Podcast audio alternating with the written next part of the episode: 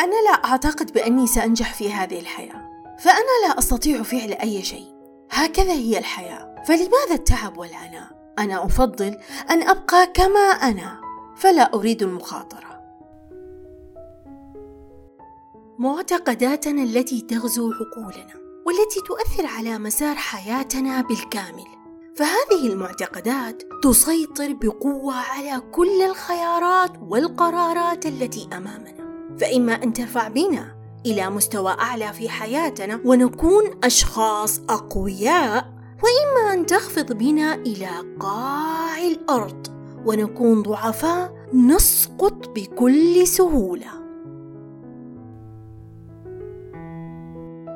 أهلا بكم يا أصدقائي في حلقة جديدة من بودكاست بلورة معكم الآن المدربة رانيا سابق. حلقتنا تتحدث عن موضوع جدا مهم وهو معتقداتنا وكيف أن هذه المعتقدات تؤثر على أفكارنا وقراراتنا وأيضا تؤثر على حياتنا بالكامل.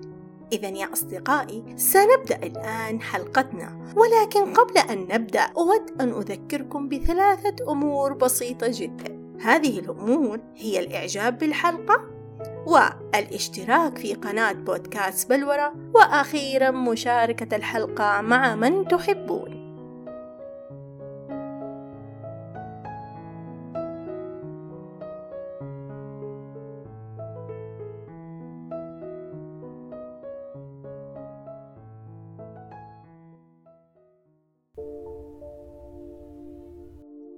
المعتقدات هي المحطة النهائية للأفكار والتي تتبلور بفعل ما نختبره من مشاعر وتجارب وخبرات على مدار حياتنا. فنصل إلى خلق معتقدات راسخة في العقل لا يمكن تغييرها.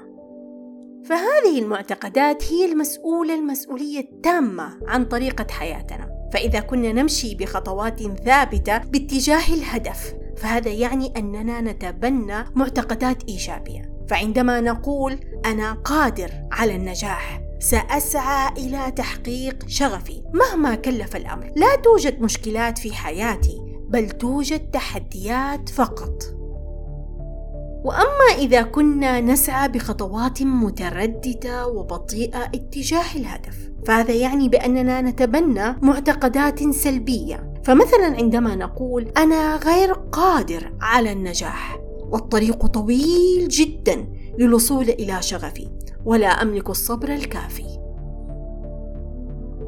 تبدأ هذه المعتقدات بالظهور من المرحلة الأولى في حياتنا وهي مرحلة الاستقبال حيث نكون مستعدين لاستقبال كم كبير من الأفكار وتكون من مصادر مختلفة مثل الأهل المدرسة الأصدقاء المجتمع وأيضا الإعلام. ومن ثم نقوم بربط هذه الأفكار بمشاعرنا فتتخزن في الذاكرة على هيئة تجارب وخبرات لنصل بعدها إلى مرحلة التنفيذ على أرض الواقع.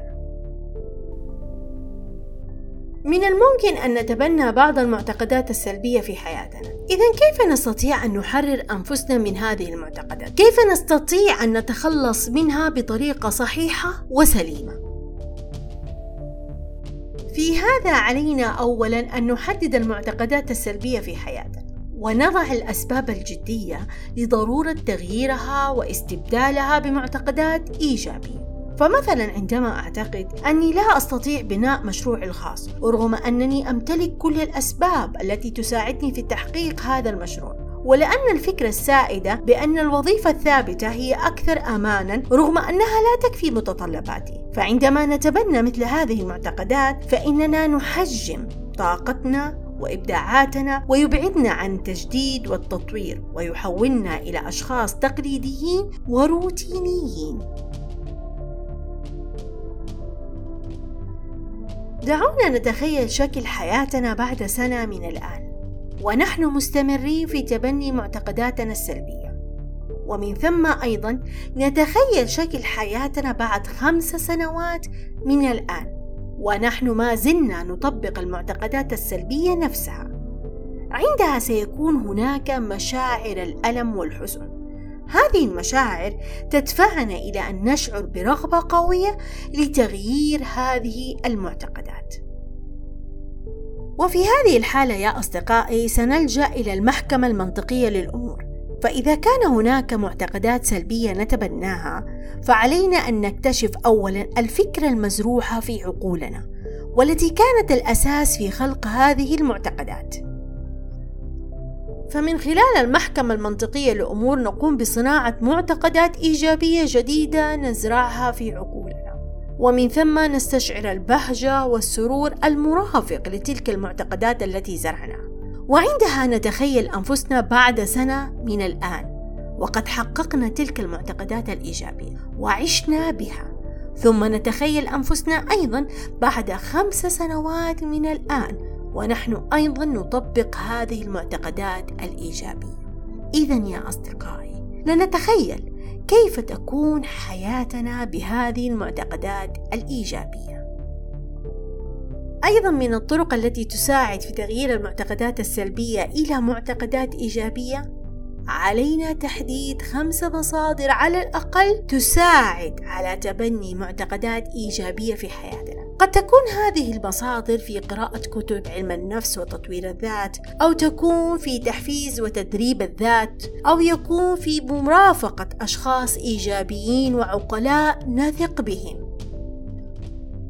إذا استطعنا تغيير معتقداتنا السلبية إلى معتقدات إيجابية، فيجب علينا أن نتأكد بأن هذه المعتقدات الإيجابية الجديدة راسخة في اللاوعي وهذا يكون عن طريق توافق أفعالنا مع طريقة تفكيرنا الجديد لذا يجب علينا أن نضع خطة محكمة تساعدنا هذه الخطة في تبني سلوك جديد وأيضا تغيير سلوك قديم. واتباع طرق جديدة تساعدنا في ربط هذه المعتقدات الإيجابية التي نرغب تطبيقها في حياتنا. وعندها يصعب تغيير هذه المعتقدات لأنها أصبحت متأصلة بعمق في عقولنا. إذا بفضل هذه المعتقدات الإيجابية التي زرعناها في عقولنا نستطيع أن نحدد أفضل سيناريو قد يحدث في حياتنا إذ طبقنا هذه المعتقدات الإيجابية الجديدة. فعندما نراقب شخصا ناجحا فإننا سنرى بكل تأكيد أنه يؤمن بمجموعة من المعتقدات القوية لأن تجاربه قادته إلى الاعتقاد بأنه لا يوجد شيء أو لا أحد يمكنه الوقوف بينه وبين أحلامه التي يريد أن يحققها في حياته. ولكن من ناحية أخرى هناك أيضا شخص آخر لديه معتقدات محدودة بحيث يستيقظ كل يوم ويقول لنفسه إن النجاح صعب. فهذا النوع من المعتقدات هي السبب الرئيسي الذي يمنعنا من تحقيق أهدافنا. وأيضا السبب في شعورنا بالخوف الذي يمنعنا أيضا من التطور ولا يسمح لنا برؤية فرص التطور الواقعية. إذا علينا أن نتخلص من المعتقدات التي تحد من قدرتنا على النمو. وأيضا علينا أن نطور عملية التفكير ونجعلها بطريقة واعية. وذلك من خلال طرح بعض الأسئلة التي تقودنا إلى التساؤل عن تأثير هذه المعتقدات السلبية المحدودة وكيف نستطيع أن نستبدلها بمعتقدات قوية إيجابية. نحن من نصنع معتقداتنا في حياتنا ونحدد سلوكنا وقراراتنا وخياراتنا. لذلك لابد أن نهتم بهذه المعتقدات ونراقبها جيدا على الدوام. نحميها من السلبية التي من الممكن أن تلحق الضرر بها. عندها نستطيع أن نعيش جنة الدنيا من خلال بناء معتقدات إيجابية عن ذاتنا وعن الماضي وعن الحاضر وعن المستقبل وعن كل شيء. ويا ترى هل لكم أن تتخيلوا الفرق الشاسع بين شخصين يؤمن أحدهما بمعتقد أن الحياة دار بلاء وفي حين الآخر يؤمن بمعتقد أن الحياة دار تطور ومتعة وسعادة.